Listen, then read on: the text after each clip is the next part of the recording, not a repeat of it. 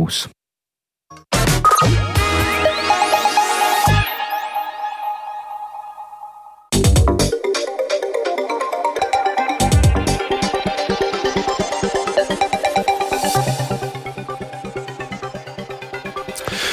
5 minūtes pār 12. ir pirmdiena, 24. jūlijas, un turpmākajā pusstundā ziņu raidījumā pusdiena plašāk skaidrosim šīs dienas būtiskākos notikumus.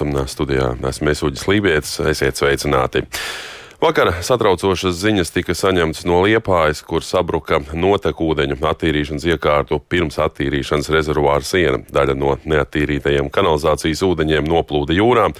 Šorīt Liepājas domē tiks sarīkots preses brīfings, kuru klātienē apmeklē arī mūsu kurzemes kolēģe Inga Ozola, ar kuru esam sazinājušies. Sveiki, Inga! Halo! Halo. Labdien, Inga! Jā. Stāsti lūdzu, kāda ir jaunākā informācija par sabrukušo attīrīšanas iekārtu sienu? Jā, nu šobrīd ir daļēji samazināta neattīrīto notekūdeņu plūsma caur iekārtu, kur nobruka siena, taču piesārņojums joprojām tek jūrā. Lielākas traumas vējš teiksim, virza tieši uz medus pusi, un piesārņojums modelējot pēc traumēm un vēja virziena rīt pēcpusdienā varētu sasniegt Pāvilos. Tad ir tāds Ventspils virziens.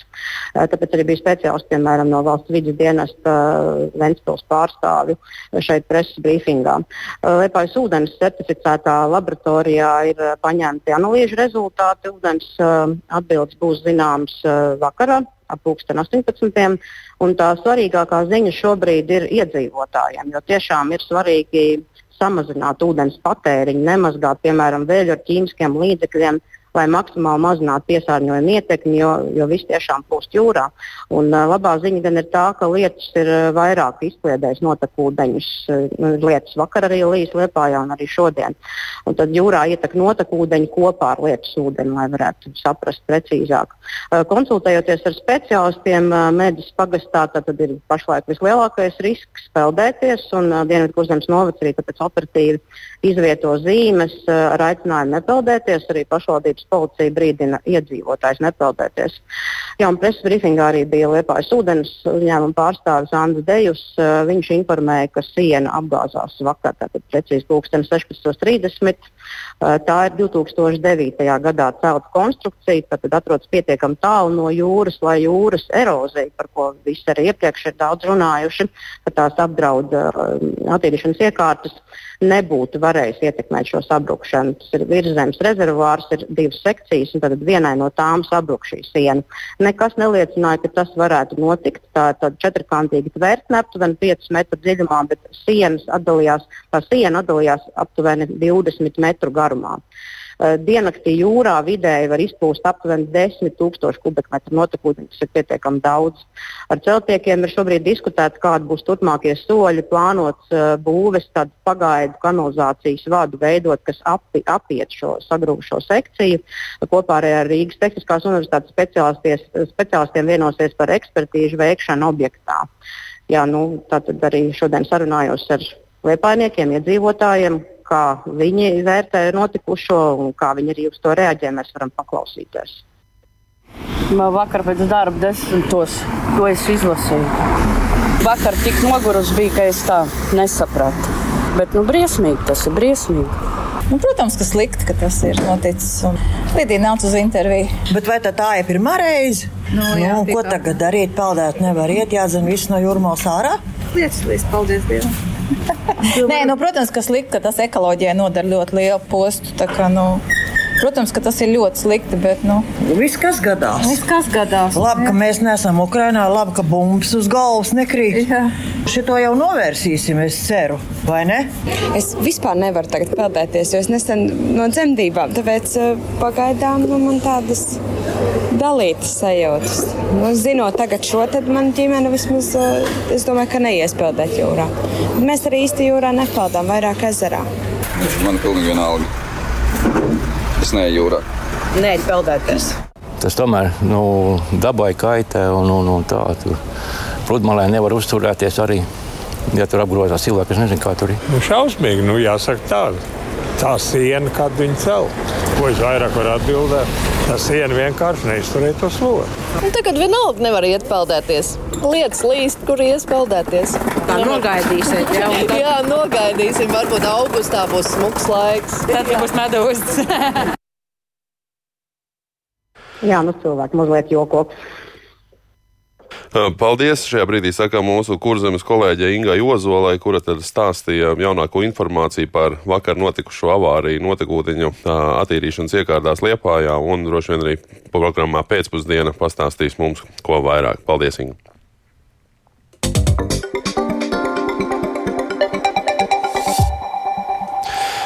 Nemazāku satraukumu vakarā Rīgas iedzīvotājiem radīja ziņas par cietumnieku, kurš izbeidzis no Rīgas centrāla cietuma. Policija uzsāka pārtvēršanas operāciju un pēc vairākām stundām bēglis tika atrasts kādā mājās Sarkandaugovā.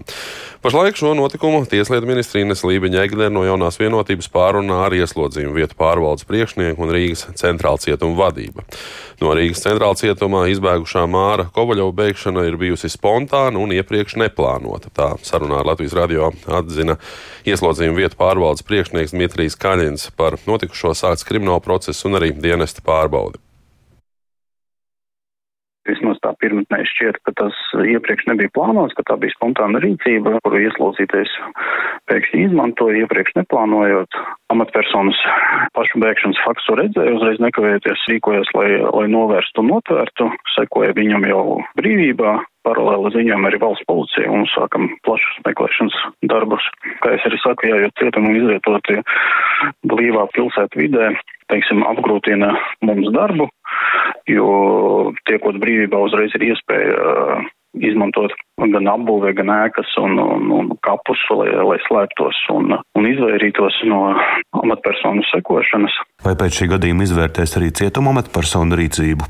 Jā, viennozīmīgi vakardien tika uzsākts krimināla process, bet šodien tiek uzsākta dienesta pārbauda, kuras uzdevums arī ir vērtēt amatpersonu rīcību tieši šī notikuma laikā.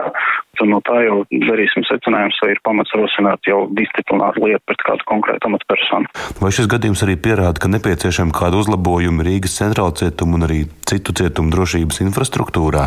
Mm, jā, es jau esmu devis uzdevumu konkrēti Rīgas centrāla cietumā, bet tas skars arī pārējās ieslodzījuma vietas veikt ārpus kartas pārbaudes par uh, bēgšanas ziņā bīstamākām vietām un sniegt man informāciju par nepieciešamiem uzlabojumiem. Mēs viennozīmīgi to darīsim nekavējoties, lai nākotnē nepieļautu šādus gadījumus.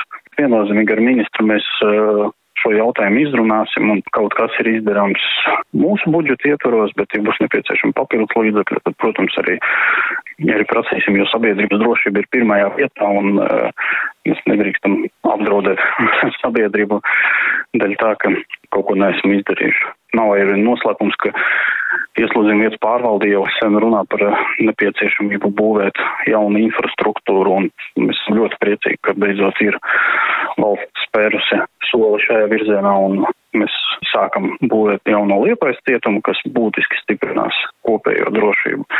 Un tas būtu tas virziens, kurā būtu jāiet.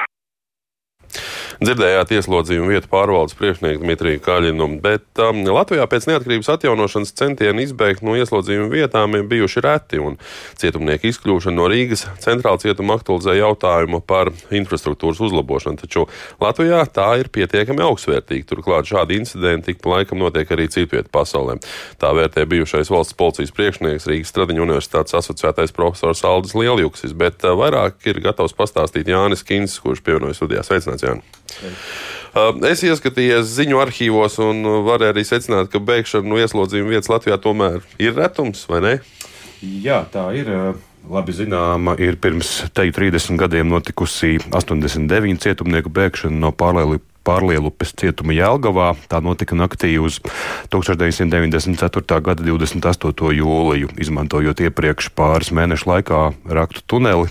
Ne visus no izbēgušajiem ir izdevies atrast. Mazāk apjoma bēgšana no šī paša cietuma notika arī 1993. gadā. Tāpat 94. gada 28. oktobrī no Grīvas cietuma Daugopilī izbēga vēl 15 ieslodzīto. Nu, viņiem tas izdevās uzlaužot restes un izurbjoties caur sienai, un pēc divām tik neilgā laikā notikušām cietumnieku bēgšanām demisionēja arī toreizējais iekšlietu ministrs Girts Valdis Kristovskis. Un turpmākajos gados cietumu infrastruktūras uzlabošanai ir pievērsta liela uzmanība, un bēgšanas gadījumu nav bijis daudz. Salīdzinoši nesen, 2015. gada martā, no Olainas cietuma izbēga par laupīšanu notiesāts vīrietis, kuram izdevās pārzāģēt cietuma restes, un viņu atrada un atkārtot aizturēja jau pēc pāris nedēļām nedēļām. Un vēl nesenāk, 2021. gada novembrī, kādam par zādzību notiesātiem izdevās pārliekt pār Jēkabils cietuma žogu. Taču arī šo izbēgušo izdevās atrast jau pavisam drīz pēc pāris stundām. Un tas, ka šādi izbēgšanas gadījumi no cietumiem ir reti, norāda, ka cietuma drošības situācija Latvijā un cietumnieku uzraudzība ir pietiekami augstā līmenī. Arī svētdien notikušais incidents, vismaz pēc sākotnējās informācijas, kā jau dzirdējām, izveidojies vairāku faktoru sakritības dēļ. Taču izbēgušā cietumnieka ātra notvēršana liecina par profesionālu darbu. Tā šo notikumu vērtē kādreizējais valsts policijas priekšnieks, asociētais profesors eh, Aldis Lieljuksis kaut kāds uh, moments ir bijis, ko tas ieslodzītais ir pamanījis un veikli izmantojis. Tas nav bijis tā kā saistīts ar kaut kādu iekšējo atbalstu veikšanai. Bet ja jau teica, ka ļoti klibo, tad acīm redzot leķis no kaut kāda augstuma. Ja jau būtu sašauts kājā, droši vien, ka nebūtu varējis paskriet vairāk. Tas, ko no pozitīvās puses es varu teikt, ka tajās situācijās, kad bija tie bēgšanas gadījumi, nu, vēsturiskie, jā, bija ļoti grūti, kamēr manuāli sameklēja tos ieslodzīto uzvārdus, fotogrāfijas, adreses, iespējamās parādīšanas vietas. Tagad tas notika ļoti ātri, jo arī ļoti ātri viņa aizturēja. Faktiski tagad cietums ir cietums cietumā, tur eh, dubultājs, izmantojot situācijas, jau tā izbēgšanas iespējamība pastāv. Tā mēs redzam visā pasaulē kaut kur kāds aizmūgt, jā, vairāk vai mazāk sagatavots pasākums ir, bet aizbēg. Piebildīšu, ka nu, pēdējos vairāk nekā 20 gadus par ieslodzījumu vietu pārvaldi atbildīgā ministrija ir Tieslietu ministrija un nozars ministrs Ineses Lībeņas Egners, eh, jaunās vienotības pārstāvis komentāru pēc šīs tikšanās eh, un secinājumiem eh, atspoguļošu un izstāstīšu programmā pēcpusdienā. Paldies Jānim Kincim, bet mēs pievēršamies jau citiem notikumiem. Maskaviešiem šonakt uh, pagulēt mierīgi bija grūti, un, uh, jo nogāzušies divi bezpilota lidaparāti nodarot postījumus dažādām uh, ēkām. Cietušo gan nav, uh, un Maskava vaino Kijevu neveiksmīgā drona uzbrukumā. Tikmēr sprādzienu naktī dzirdēt arī vairākās vietās Krimā. Vienā no vietām ticis dots trieciens Krievijas munīcijas noliktavai, bet Odesā šonakt ir turpinājušies Krievijas īstenotie dronu uzbrukumi. Plašāk par notikumiem Krievijā un Ukrainā ir gatavs stāstīt Rihards Plūms, kurš arī pievienojas studijā. Sveicināts! Jā, sveiki, sveiki, uģi, sveiki, klausītāji. Pareizi tu teici, pagulēt maskaviešiem šonakt ir bijis eh, sarežģīti. Kāds pamodās no sprādzienu trokšņa, cits no lielas rūkoņas. Dažos video, kas publicēti sociālajos medijos, ir redzams un arī ļoti labi dzirdams viens no droniem, kas šorīt agri no rīta lidinājās virs Maskavas. Un, Zināms, ka droni virs pilsētas ir manīta pulksteņa četriem no rīta, un viens no tiem Lihačeva prospektā ir trāpījis biznesa centrā ēkai. Apkārtējām ēkām tur ir izsisti stikli un daļai bojāts jumts šeit biznesa centrā ēkai. Arī augšējie stāvi bojāti. Savukārt otrs bezpilots lidaparāts nokritis ir Komsomoļskas prospekta rajonā netālu no Krievijas aizsardzības ministrijas ēkas Maskavas centrā. Abās vietās tika apturēta arī satiksme. Cietušo nesot un paklausīsimies, ko šonakt ir novērojis un dzirdējis viens no maskaviešiem. Громкий звук. Первая мысль, что это гром. Skaļš troksnis, pirmā doma - pērkons. Izēju uz balkonu un skatos, ka paceļas dūmi. Vējš tos aiznesa uz upes pusi. Atbraucu te ar velosipēdu. Te jau viss bija noslēgts. Te apdeguši koki, sabojāts jumts, septītajā stāvā izsisti stikli. На седьмом этаже вон стекло разбитое. Nu, Maskava vaino notikušajā Ukraina un Krievijas aizsardzības ministrija paziņoja, ka Ukraina mēģināja veikt triecienu objektiem Maskavas teritorijā, izmantojot divus bezpilotu lidaparātus. Tiek norādīts, ka ar elektroniskās kaujas līdzekļiem divi Ukrainas bezpilotu lidaparāti tikuši apspiesti un avarējuši. Ukrainas medijas eh, pravdā atsaucoties uz avotu Ukrainas drošības struktūrās vēst, ka uzbrukumu īstenojis ir Ukrainas izlūkdienests. Eh, citējot šo avotu, medijas raksta brīvprātīgo un struktūru sadarbība dod labus rezultātus. Turpinājums sekos. Nu, šonakt ir bijuši dzirdams sprādzieni arī Krimā, kas par tiem ir zināms. Jā, vairākās vietās Krievijas okupētajā Krimā šonakt tika dzirdēti sprādzieni, kā norādījis vismaz Maskavas izveidotās pussalas administrācijas līderis, tad Ukrainas eh, drona trieciens Krimā ir izraisījis detonāciju munīcijas noliktavā Džankojas rajonā. Tur apturēta dzelzceļa satiksme, apturēta satiksme uz autoceļa, kas ved no Džankojas uz Simferopoli. Evakuēti arī tuvējo ciematu iedzīvotāji 5 km rādījusā no sprādziena vietas. Un tiek ziņots arī par sprādzieniem Krasno Hvardīskas rajonā, kur atrodas eh, okupantu lidlauks. Bet nu, jau diezgan ierasti šorīt lidojuši droni arī ne tikai virs Maskavas un virs okupētās Krimas, bet arī pašā Ukrainā atkal notikuši uzbrukumi Odesai.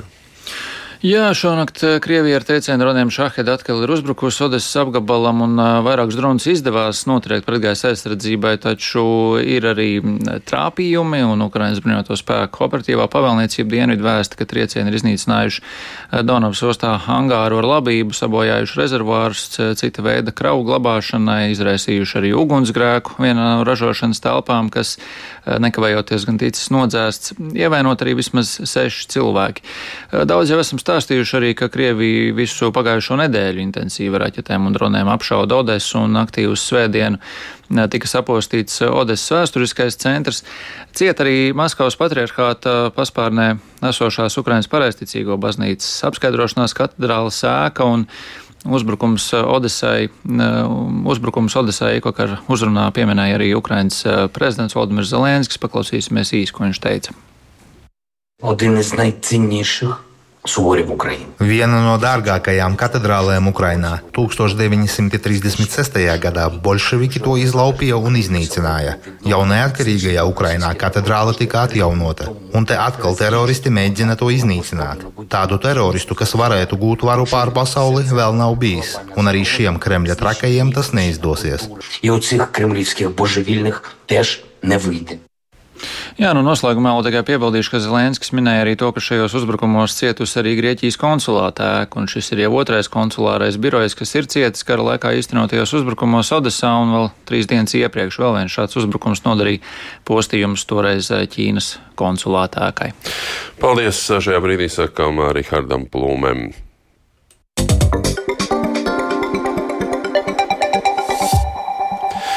Vairāk nekā pusē, jeb 60% iedzīvotāju atvaļinājuma laikā nāks pievērsties darba pienākumu pildīšanai. Tādu ainu rāda bankas citadela veikta aptauja.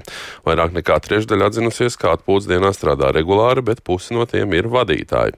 Latvijas rādio aptaujātie eksperti norāda, ka darbs atvaļinājuma laikā nenāk par labu nec darba ņēmējiem, nec arī darba devējiem. Kam apūšies strādātāji ir produktīvāki un gal galā nenomirst darba vietā. Par šo tēmu klausieties Edgara Kupča ierakstu. Bankas citadela aptaujā varbūt labā ziņa ir tā, ka katrs piektais darba jautājums atvaļinājuma laikā risina tikai izņēmuma kārtā. Savukārt nepilna trešdaļa, jeb 27% respondentu atzīst, ka atvaļinājuma laikā netiek traucēti. Pilnvērtīgu atpūtu lielākoties bauda jauni cilvēki un fiziska darba darītāji. Tikai 2% no aptaujātajiem ir bijuši drosmīgi noraidīt priekšnieku lūgumu pievērsties darbam atvaļinājumā. Citadeles valdes loceklis Valters Ābele teica, ka it īpaši Covid laiks attīstījis digitālās lietas, darba jautājumus ļaujot kārtot arī no mājām. No vienas puses tas ir labi.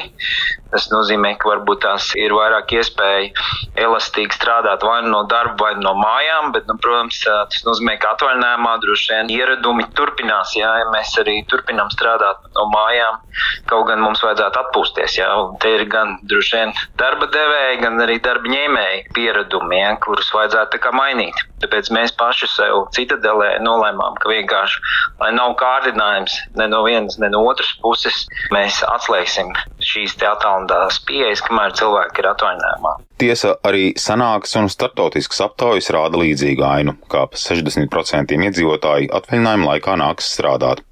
Daļa to piekrīt darīt bailēs zaudēt darbu, cits raujas strādāt, jo jūtas neaizstājams, vēl daļa krāja virsstundas un pelna naudu, darba kvalitāti nevienmēr izvirzot pirmajā plānā. Latvijas radio uzrunātie eksperti pirmkārt frāžaini piesauc likuma normas, kas atvaļinājumu tiešā veidā liek uzskatīt par atpūtu no darba lietām, kā arī noguruša darbinieka produktivitātes zaudēšanu.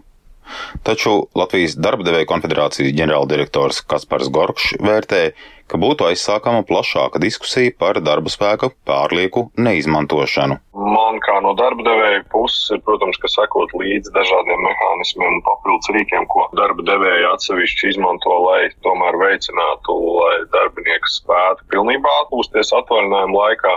Un uh, tā būtu interesanta platforma arī pie Latvijas darba devēja konfederācijas, kas apvieno vairāk kā 160 biedrus. Un, un šāda labas prakses piemēra varētu tikt izmantot un integrēt arī citu mūsu biedru vidē.